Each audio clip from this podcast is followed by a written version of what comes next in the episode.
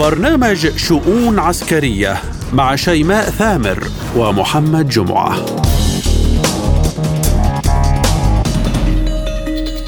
ملفات عسكرية وشؤون جديدة من وكالة سبوتنيك الإخبارية بموسكو. نتناوب على تقديمها لكم أنا شيماء ثامر. وأنا محمد جمعة ونستهلها بالعناوين. الكونغرس الأمريكي يوجه تحذيرا نهائيا لبايدن بشأن أوكرانيا وأوستن يتحدث عن مساعدات بقيمة 55 مليار دولار. زيلينسكي يضغط لضم كييف للناتو وواشنطن بوست تقول أوكرانيا خططت سرا لقصف القوات الروسية في سوريا. إسرائيل وألمانيا تناقشان صفقة لبيع بيع منظومة صواريخ إسرائيلية لألمانيا فهل هذه الصفقة ستمر إلى أوكرانيا عبر ألمانيا؟ الجيش الإيراني يتسلم 200 طائرة مسيرة استراتيجية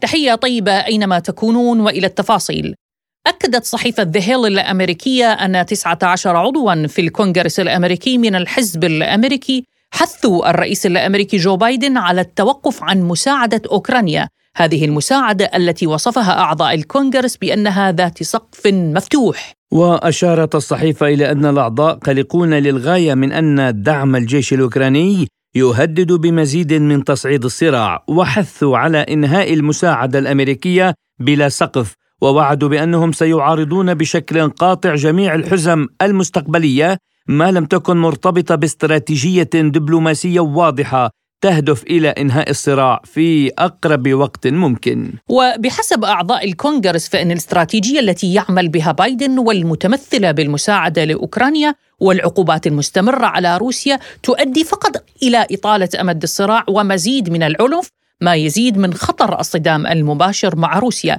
أعضاء الكونغرس أكدوا أنه من واجب على حكومة بايدن الالتفاف إلى ضرورة تعزيز الموارد الاقتصادية والعسكرية الأمريكية بدلا من دعم منقطع النظير لكييف. وعلى الجانب الآخر أكد وزير الدفاع الأمريكي لويد أوستن أن أعضاء مجموعة الاتصال بشأن أوكرانيا قدموا مساعدات بقيمة 55 مليار دولار لدعم كييف عسكريا علما أن مجموعة الاتصال هي 50 دولة بضمنها 30 دولة أعضاء بحلف الناتو أوستن بين أن دعم الحلفاء لأوكرانيا لا يزال قويا وراسخا وقال إن اجتماع مجموعة الاتصال الحالي سيركز على ثلاث قضايا رئيسية هي الدفاع الجوي، الذخيرة وعوامل التمكين مشيرا إلى أن الدعم اللوجستي وغيره من أشكال الدعم التي تسمح للوحدات العسكرية بالعمل. ليبقى السؤال إلى أين ستصل تلك المساعدات العسكرية بسقفها المفتوح؟ وهل ستتحمل واشنطن ضغط شعبها عليها؟ وسط حاجة لموارد اقتصادية وعسكرية للبلاد. للحديث عن هذا الموضوع ينضم معنا عبر الهاتف الخبير بالعلاقات الدولية والأمريكية الأستاذ ستيفن صهيوني. أحييكم أستاذ ستيفن بشؤون عسكرية وشكرا على قبول الدعوة. بداية أستاذ ستيفن اليوم أعضاء الجمهوري بالكونغرس الأمريكي يضغطون على بايدن مطالبين إياه بالالتفات إلى تعزيز موارد اقتصادية وعسكرية للبلاد. ووقف الدعم العسكري لكيف هذا الدعم ذو السقف المفتوح. كيف تنظر إلى تلك الدعوات؟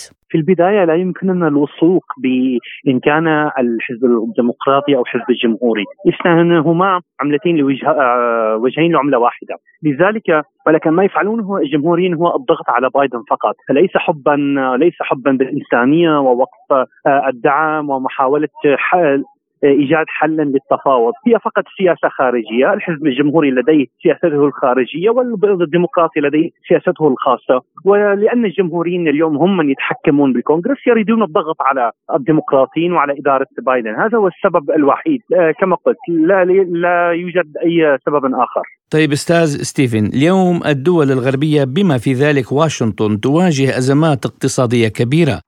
إلى أي مدى ستصمد شعوب هذه الدول وسط استمرار الدعم لأوكرانيا؟ اليوم العالم يتغير والسياسة الدولية والسياسة الخارجية تتغير وخريطة التحالفات تتغير بشكل كامل. نرى أن آه، المملكة العربية السعودية نرى عدد من دول الخليج ودول العالم آه، يذهبون إلى التحالفات القوية مع روسيا والصين. وبالأمر ذاته رأينا الرئيس آه، إيمانويل ماكرون مع الصين وسياسة واتفاقيات كبيرة. فايضا نرى أن هناك دول أخرى أوروبية آه، ستخطى خطى فرنسا وستذهب ستقف ستضع حد للتحالفات مع الولايات المتحدة الأمريكية وتدخلاتها وستذهب إلى المنح إلى الطرف الآخر وهو روسيا والصين والهند و وإيران والسعودية وهذه الدول. ختاما أستاذ ستيفن يعني وزير الدفاع الأمريكي يتحدث عن مساعدات رصدت بقيمة 55 مليار دولار من دول الناتو وغيرها، إلى أين ستستمر هذه المساعدات العسكرية خاصة انه أمريكا نفسها تواجه أزمة فيما يخص الدولار الأمريكي؟ الدول الأوروبية اليوم هي تأخذ أوامرها من الولايات المتحدة ومن وزارة الخارجية الأمريكية فقط، هي لي لا ليس لديها قرار سيادي وقرار من نفسها، لذلك آه، الكلمة الأولى والأخيرة هي الولايات المتحدة الأمريكية، واليوم نرى إن أمريكا آه، تمر بأزمة اقتصادية صعبة، ولكن الأزمة في أمريكا ولكن المشكلة الحقيقية إن أمريكا تطبع فقط عملتها فقط لديها طباعه ولا, ولا وتستخدم قوتها العسكرية والسياسية من أجل دعم هذه. عندما تضعف أمريكا سياسيا أو عسكريا ونحصل ونرى هذا يحصل اليوم آه، عندما تفقد الولايات المتحدة آه، الأمريكية حليفها ااكبر في الشرق الأوسط السعوديه ويذهب إلى المنحى الآخر كما قلت إلى الصين وروسيا هذا تضعف سياسيا. أي يمكننا أن نقول إن في الخمس سنوات المقبلة إذا بقيت الدول تترك الولايات المتحدة الأمريكية فإن سنرى الدولار سينهار لأن أمريكا كما قلت تطبع عملتها فقط ولا تدعمها بالذهب كما كما الجميع يعرفوا خاصة الخبراء الاقتصاديين عندما أي دولة تريد طباعة عملة لديها يجب أن يكون هناك ذهب بمقابل. أمريكا فقط تطبع وتستخدم قوتها السياسية والعسكرية آه، من أجل حماية هذه. عندما تضعف سياسيا آه، سيضعف الدولار. لذلك اليوم أمريكا والمجتمع الأمريكي يمر بأزمة اقتصادية وتضخم كبير ونرى عدد من البنوك يعلنون إفلاسهم. لذلك نرى أن كما قلت من هنا إلى الخمس سنوات المقبلة سنرى آه، أزمة اقتصادية كبيرة وركود ضخم في الولايات المتحدة الأمريكية وكل من يستخدم العملة الدولار. ونرى العديد من الدول تتخلى عن عن عمله الولايات المتحدة الأمريكية. أي هناك أمريكا الزمن التي كانت أمريكا تهيمن على العالم. وتهيمن على الاقتصاد العالمي بدا بدأت نهايته ونرى هذا بالوقائع إن كان سياسيا أو اقتصاديا أو من باب التحالف. الخبير بالشؤون الأمريكية الأستاذ ستيفن صهيوني كنت معنا ضيفا كريما بشؤون عسكرية شكرا لكم. نقلت صحيفة واشنطن بوست الأمريكية عن وثائق سرية مسربة أن الاستخبارات العسكرية الأوكرانية أعدت مخططا سريا لتنفيذ هجمات ضد القوات الروسية في سوريا بمساعدة كردية.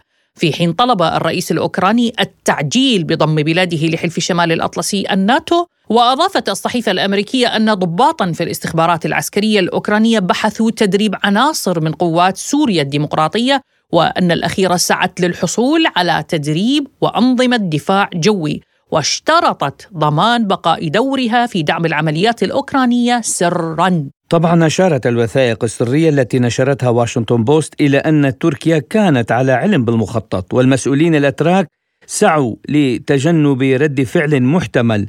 ذكرت الصحيفة الأمريكية بأن الرئيس الأوكراني أمر بوقف المخطط السري في ديسمبر كانون الأول 2022 غير أن الوثائق المسربة التي تتضمن معلومات استخباراتية جمعت بتاريخ الثالث والعشرين من يناير كانون الثاني الماضي تشرح كيف خططت الاستخبارات العسكرية الأوكرانية لتنفيذ هجمات على القوات الروسية في سوريا بشكل لا يورط الحكومة الأوكرانية بشكل مباشر. ليبقى السؤال إلى ماذا تسعى كيف وما الذي تحاول الحصول عليه؟ ولماذا الإصرار على تلك الخطوة المستفزة؟ وما هي تداعيات ذلك؟ لتسليط الضوء أكثر على هذا الموضوع ينضم معنا عبر الهاتف الخبير العسكري الدكتور أمين إسماعيل. أحييكم دكتور أمين بشؤون عسكرية وأشكرك على قبول الدعوة.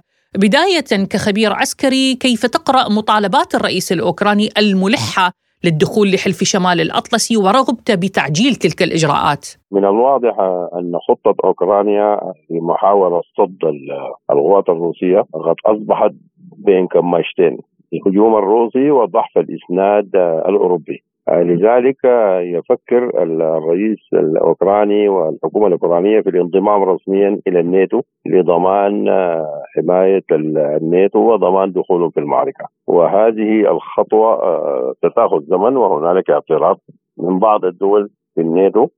حسب نظام الناتو لابد أن يكون القبول بالإجماع. لكن واضح إنه سير المعركة في غير صالح أوكرانيا ولذلك هي تحاول الدخول للناتو لفرض الدعم وفرض المشاركة بالقوات على الأرض. دكتور يعني الأمين العام للأطلسي أكد أن أوكرانيا ستنضم إلى حلف شمال الأطلسي. لم يحدد سقف زمني ما هي تداعيات تلك الخطوة دوليا برأيك؟ آه هو يعني آه حرب شامله في أوروبا آه لأنه دخول الناتو ربما يجعل الدول المتحفظة التي تساند روسيا تدخل مباشرة إلى الجانب الروسي. وهذا يعني آه، حرب شاملة وبالتالي تهديد للسلم والأمن الدولي. بينما كانت المعركة فقط هي بين روسيا وأوكرانيا وبمبررات مقبولة. الآن آه، بهذا الدخول تتوسع المعركة و تدخل دول من خارج أوروبا مثل الصين والهند. لأنه الحياد بيصبح حياد غير منطقي في هذه الحالة لذلك هذا الإجراء لو تم يعني توسيع المعركة وتوسيع العناصر المشتركة في هذا الصراع وربما نشهد أو نتجه إلى الحرب العالمية الثالثة. قبل الختام دكتور دعني أتطرق إلى مسألة الوثائق السرية، يعني صحف أمريكية تحدثت عن وثائق سرية تؤكد تخطيط أوكرانيا لاستهداف القوات الروسية بسوريا وبشكل سري. برأيكم هل أوكرانيا قادرة على هذه الخطوة وقادرة على تحمل تبعاتها؟ آه، من الواضح أن الطرف الذي ورط أوكرانيا في هذا الصراع هو الذي كان سيستهدف القوات الروسية في سوريا تحت مظلة أوكرانيا آه، لأن أوكرانيا ليس لديها الإمكانيات آه، سواء كانت جويه أو الصاروخية للوصول إلى هذه المواقع وتنفيذ هكذا عمليات. هذا الأمر يعني أن القتال بالوكالة والحرب بالوكالة أخذت منعطف خطير جدا بالخروج من القارة الأوروبية إلى مناطق أخرى تسمى البحار الدافئة وبالتالي هو محاولة لعرقلة الوجود الروسي في سوريا وفي مناطق أخرى. عموما أوكرانيا لا تملك الإمكانيات ولكن يبدو أن الطرف المستفيد الذي يحاول استنزاف روسيا بحروب هنا وهناك هو الذي سينفذ ولكن تحت المظلة الأوكرانية. الخبير العسكري الاستراتيجي الدكتور أمين إسماعيل كنت معنا ضيفا كريما في شؤون عسكرية شكرا لكم. قالت وزارة الدفاع الإسرائيلية أن إسرائيل تحرز تقدما في مفاوضات مع ألمانيا لبيع منظومة صواريخ آرو ثلاثة الدفاعية. المنظومة هي الأحدث في مجموعة الدفاع الصاروخي الإسرائيلي.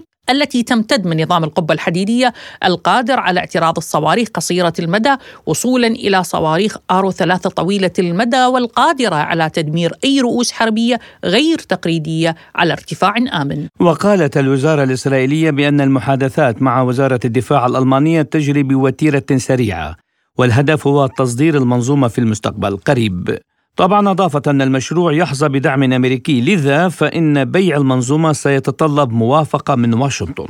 حول هذا الموضوع نستضيف معنا من دمشق الخبير العسكري والمحلل السياسي الدكتور فراس شبول. أحييكم دكتور فراس ببرنامج شؤون عسكرية وشكرا على تلبية الدعوة. أبدأ معك دكتور. بالصفقة بين إسرائيل وألمانيا لبيع منظومة الصواريخ الإسرائيلية لألمانيا. هل هذه الصفقة برأيك ستذهب إلى أوكرانيا عبر جسر وهو ألمانيا؟ هذا الموضوع يعني آه، ليس بجديد. يعني هناك علاقات آه، إسرائيلية ألمانية قديمة جدا. بالمقابل يعني حتى لو كان هناك ادعاء بأن كما نعلم أيام هتلر بأن هناك محرقة يهودية إلى ما آخر ما هنالك ولكن هذا الادعاء هو كان سبب من أسباب وجود هذا الكيان الغاصب على الاراضي الفلسطينية، لذلك أعتقد بأن هذا الادعاء هو ادعاء زائف وهناك علاقات متينة بين ألمانيا وإسرائيل، وهذه العلاقات تعود إلى سنوات طويلة إن كانت في الخبرات العسكرية والاقتصادية وإلى آخر ما هنالك من العلاقات المتجذرة بين هاتين بين هذا الكيان الغاصب وألمانيا، لذلك نجد بأن إسرائيل لو أرادت أن تصل أسلحتها إلى أوكرانيا ستصلها مباشرة ليس عن طريق ألمانيا على الإطلاق. وكما يعلم الجميع بأن هؤلاء النازيون الجدد المتواجدون في في أوكرانيا هذه التسمية لم لم تأتي عن عبث على الإطلاق. هي النازيون الجدد هم إذا عدنا بجذورهم هم لهم علاقة بألمانيا ولهم علاقة بهذا الكيان الصهيوني المتواجد على يعني المتواجد بفكره الاقتصادي وفكره التدميري على مستوى العالم. يعني الاقتصاد الإسرائيلي يعني يتحكم بمفاصل كثيرة في هذا العالم. ومن هذه المفاصل في أوكرانيا وفي الولايات المتحدة وفي جزء من ألمانيا وفي بريطانيا إلى آخر ما هنالك لذلك موضوع الصفقة بين إسرائيل وبين ألمانيا هذه الصفقة يعني هل سيعود مردودها إلى الداخل الأوكراني؟ أعتقد بأن هذا الموضوع يعني ليس مخفي ولو أرادت إسرائيل أن تدخل هذه الأسلحة مباشرة حتى لو كانت هناك يعني بعض العلاقات الدبلوماسية بينها وبين روسيا، لو أرادت أن تدخلها تدخلها بطريق سري ودون يعني دون المواربة والدخول في هذا الموضوع. العلاقات أو التسليح أو ما يتم الحديث فيه عن عن وجود صفقات أسلحة ووجود تبادل اسلحه بين إسرائيل وألمانيا هو ضمن ضمن خطة أوروبية قديمة وهو ضمن هذا الإطار لهذا الكيان الصهيوني وهو ضمن خبر يعني بالمنطق بالمنطق العسكري. يعني ألمانيا هي كانت القوة الضاربة في بدايات الحرب العالمية الأولى والثانية، يعني هل هي بحاجة لإسرائيل ولاسلحه إسرائيل؟ على الإطلاق أعتقد أن هذا الموضوع بعيد كل البعد عن المنطق العسكري، حتى لو كانت لو كان السلاح هذا الكيان الصهيوني سلاح متطور ولو كان بقمة تطور تصوره هذا السلاح ولكن الصناعات الألمانية هي أكبر بكثير من من قدرة يعني الكيان الصهيوني إذا لماذا ألمانيا تسعى لامتلاك المنظومة الصاروخية الإسرائيلية التي أثبتت المعارك بضعفها؟ أنا أعتقد بأن هذا الموضوع هو يدخل من ضمن الدبلوماسية الألمانية التي تدعو إلى التقارب يعني هي ليست يعني ألمانيا تريد أن تقول بأنني ليست مع يعني, يعني ليست مع مع أنا ضد الولايات المتحدة بشكل مباشر وليست ضد أوكرانيا بشكل مباشر وهي تريد أن تقول بأن السلاح الذي يعني آه، نسمع تضارب في هذا الموضوع يعني من فترة قصيرة تريد أن تسلح أوكرانيا ألمانيا تريد أن ترسل صفقات دبابات حديثة إلى أوكرانيا والآن تريد أن تطور منظومه منظومتها العسكرية، يعني هل يعقل بأن دولة مثل ألمانيا الصناعية الأولى في العالم هل هل تريد أن تطور هذه المنظومة العسكرية عن طريق الكيان الصهيوني؟ أعتقد أن هذا الموضوع لا يمكن قبوله للعقل البشري، هذا الموضوع يدخل في في بوابه بوابة واسعة من اعرض من اعرض الأبواب الدبلوماسية بين الكيان الصهيوني وألمانيا، وأعتقد بأنه يمكن أن يكون نوع من أنواع التقارب بين ألمانيا والولايات المتحدة هذا التقارب العسكري ولا أحد يعلم بأن يعني لا أحد يستطيع أن يتكهن بأن آه، ألمانيا يعني فكرها متطور وفكرها انفتاحي. يعني قد يكون لها مصلحة كبرى في في كشف نوعية جديدة من الأسلحة المصنعة من قبل الولايات المتحدة، قد يكون هذا الموضوع من باب الاحتمالات. وقد يكون من باب الدبلوماسية العسكرية بأنها تريد يعني تريد أن تدعم آه، اقتصاد الكيان الصهيوني وتريد أن تقوم بدعم هذا الكيان الكيان الصهيوني أو اقتصاد هذا الكيان الصهيوني عن طريق شراء هذه الصفقات، هذا هو الأمر ببساطة ولكن أعتقد كل كل البعد هو يعني المنطق يقول بأن العقلية الصناعية الألمانية يعني هي من الدول يعني من الدول الأولى والثانية تقريبا على مستوى العالم في الصناعات، لا يمكن أن تريد أن أن تستعين بالخبرات أو بخبرات الكيان الصهيوني في مجال الأسلحة، آه، أعتقد بأن هذا الموضوع كما ذكرت لك هو من باب الدعم الاقتصادي لاقتصاد اقتصاد الكيان الصهيوني ومن باب التقارب من الولايات المتحدة بالمقلب الآخر هي تريد أن تكشف إذا كان هناك أسلحة. يمكن الاستفادة منها نعم ولكن أن أن أن تعتمد على هذا السلاح وأن تعتبره ألمانيا هو سلاح متطور. أعتقد أن هذا الموضوع بعيد كل البعد عن المنطق العسكري. طيب دكتور فراس قبل الختام برأيك هل ستوافق واشنطن على هذه الصفقة؟ ولا سيما انه المشروع يحظى بدعم أمريكي. لذا فإن بيع المنظومة سيتطلب موافقة واشنطن بالتأكيد. تصريحات الإسرائيلية شيء والواقع شيء. يعني العقلية الإسرائيلية هي من تتحكم في الإدارات العالمية. إن كان في بريطانيا وإن كان في الولايات المتحدة. يعني لا يوجد أحد يختلف على هذا الموضوع بأن بأن العقلية الإسرائيلية والاقتصاد الإسرائيلي وتجار تجار الاقتصاد يعني هم المسيطرون على كل اقتصادات العالم وبالتالي على سياسات تلك الدول وعلى رأسها الولايات المتحدة وبريطانيا. يعني التصريح الإسرائيلي بأنها تريد موافقة الولايات المتحدة هو نوع من أنواع أن توهم العالم بأنها هي من تتبع للولايات المتحدة وأعتقد بأنها هي رأس رأس الكيان الصهيوني هي رأس الأفعى ورأس القمة في هذه الإدارة الأمريكية ولا يوجد إدارة أمريكية على مر السنوات الماضية وعشرات السنوات الماضية لا يوجد إدارة أمريكية ليس للكيان الصهيوني علاقة فيها وهي من تريد هذا الرأس الإدارة الرأس يعني الكبير في الإدارة الأمريكية. لذلك نوع التصريح بأنها تريد موافقة الولايات المتحدة هو نوع من أنواع يعني كما يقال الاحترام للعبد للسيد يعني في هذا الموضوع وتريد أن تقول يعني كما يعلم العالم بأن الولايات المتحدة هي من تسيطر على اقتصادات العالم والعسكره في الوقت الحالي حتى هذه اللحظة يعني. رغم صعود روسيا والصين والقدرات الكبيرة لكن الاقتصاد الأمريكي هو ما زال المسيطر على اقتصادات العالم بشكل كامل. لذلك الكيان الصهيوني لا يريد أن يقوم بتحجيم هذا الاقتصاد وتحجيم هذه الإدارة الأمريكية وبيع الصفقات بدون موافقة إعلامية على الأقل للولايات المتحدة. لذلك هذا موضوع يعني لا يمكن يعني أنا أقول لك بكل وضوح وكل بساطة ما تريده ما تريده إسرائيل سينفذ إن شاءت الاداره الأمريكية أم أبد لماذا؟ لأن ارتباط هذه الإدارة الأمريكية هو بهذا الكيان الإسرائيلي وهذا الكيان الاقتصادي القوي على مستوى العالم اذا هو من يتحكم بالإدارات ولذلك موضوع التصريح الإسرائيلي بأنها تريد موافقة الولايات المتحدة هو من باب احترام هذه الدولة الكبرى من قبل الكيان الصهيوني والإيضاح بأنها ما زالت مسيطرة على العالم وإلا لا تريد إذن ببيع أي قطعة سلاح للعالم. الخبير العسكري والمحلل السياسي الدكتور فراس شبول كنت معنا ضيفا كريما في شؤون عسكرية. تسلم الجيش الإيراني أكثر من 200 طائرة مسير استراتيجية بدفعة جديدة لتعزيز قدراته بسلاح الطيران المسير. ولفت وزير الدفاع الإيراني إلى أن العلماء الإيرانيين في هذا المجال تمكنوا من تطوير تقنيات متطورة ساعدتهم في تصنيع أنواع مختلفة من الطائرات المسيرة محليا. طبعا لتسليط الضوء على هذا الموضوع المثير للاهتمام ينضم معنا من إيران الباحث بالشأن الإيراني الأستاذ صالح القزويني. أهلا بكم أستاذ صالح بشؤون عسكرية وأبدأ معك عما يقال الآن عن أن إيران قد أصبحت رائدة في صناعة المسيرات، ما السر وراء ذلك؟ مع العلم أن إيران في وضع حصار منذ سنين طويلة أستاذ صالح؟ قضية اعتماد إيران على المسيرات ليست قضية آه، الساعة ولا هي قضية حديثة، يعني على الرغم من اكتشاف آه، استراتيجية وأهمية هذا السلاح وعموما الطائرات المسيرة في الكثير من الأصعدة آه، لكن إيران آه، بدأت وأدخلت هذا السلاح إلى قواتها المسلحه منذ أكثر من عشرين عاما. يعني منذ الحرب العراقية الإيرانية وفي أواسط الحرب العراقية الإيرانية كانت إيران تستخدم آه، المسيرات في عملياتها في قضايا الاستطلاع وحتى في قضايا الهجوم الهجوم الانتحاري أو الهجوم بالقاذفات. فكانت إيران منذ ذلك الوقت وهي تستخدم الطائرات المسيرة في عملياتها العسكرية.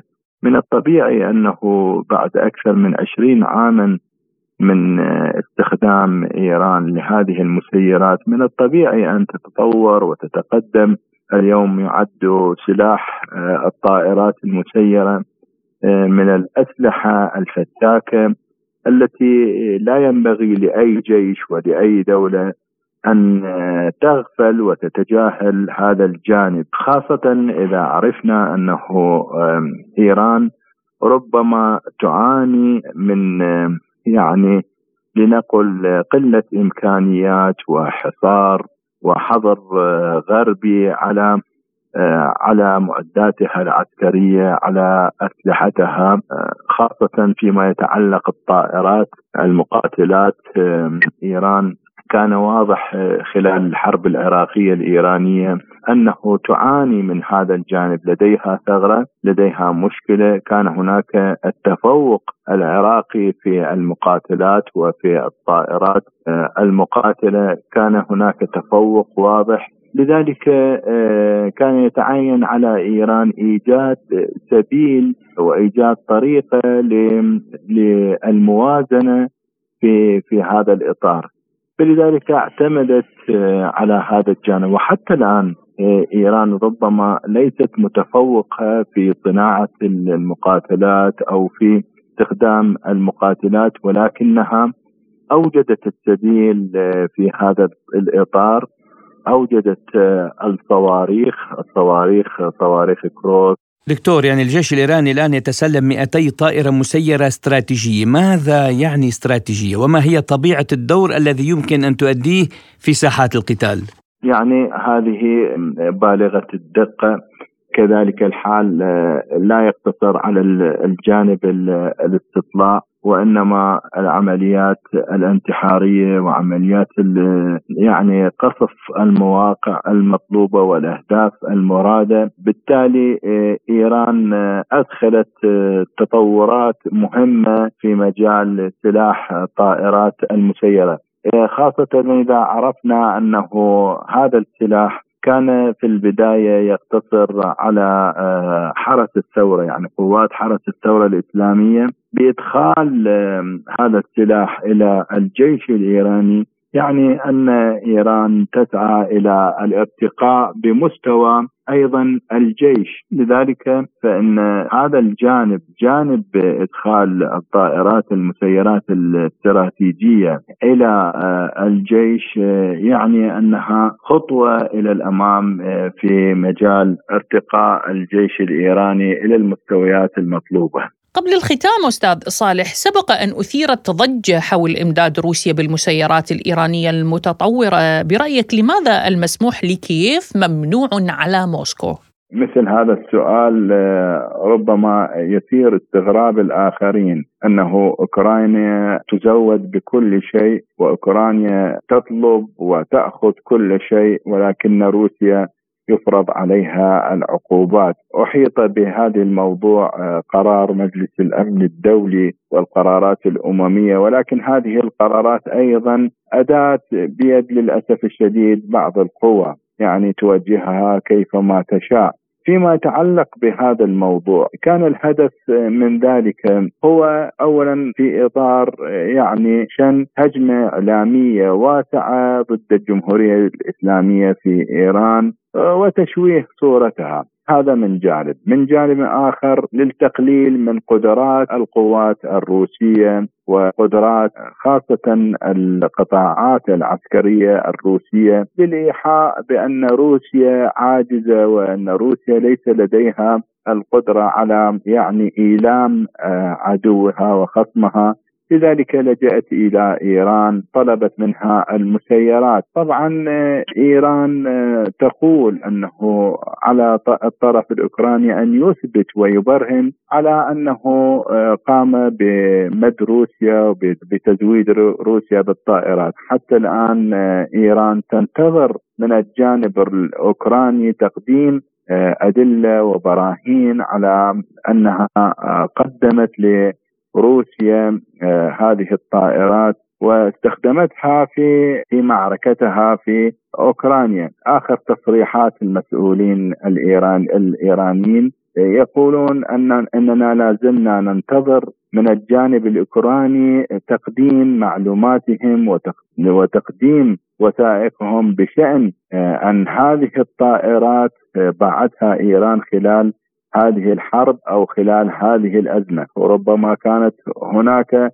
طائرات باعتها إيران لروسيا ولكن ليس خلال الحرب وليس خلال هذه الأزمة وإنما قبل هذه الأزمة بفترة طويلة. بالتالي لا يمكن ان أن يأخذ على إيران أنها مشاركة في الحرب أو أنها محايدة في الحرب. على الرغم من أن من عفوا من حاجة في الحرب على الرغم من انحياز يعني معظم الدول إلى أوكرانيا بشكل واضح وبشكل علني يقدمون لأوكرانيا المال يقدمون لأوكرانيا المعدات العسكرية بل يقدمون لأوكرانيا حتى المقاتلين حتى المرتزقة آه، لكن إيران أعلنت مرارا أنها تقف على الحياد في هذه المعركة نعم. وتسعى إلى إنهائها. الخبير بالشأن الإيراني الدكتور صالح القزويني كنت معنا ضيفا كريما في شؤون عسكرية شكرا لكم وحياكم الله.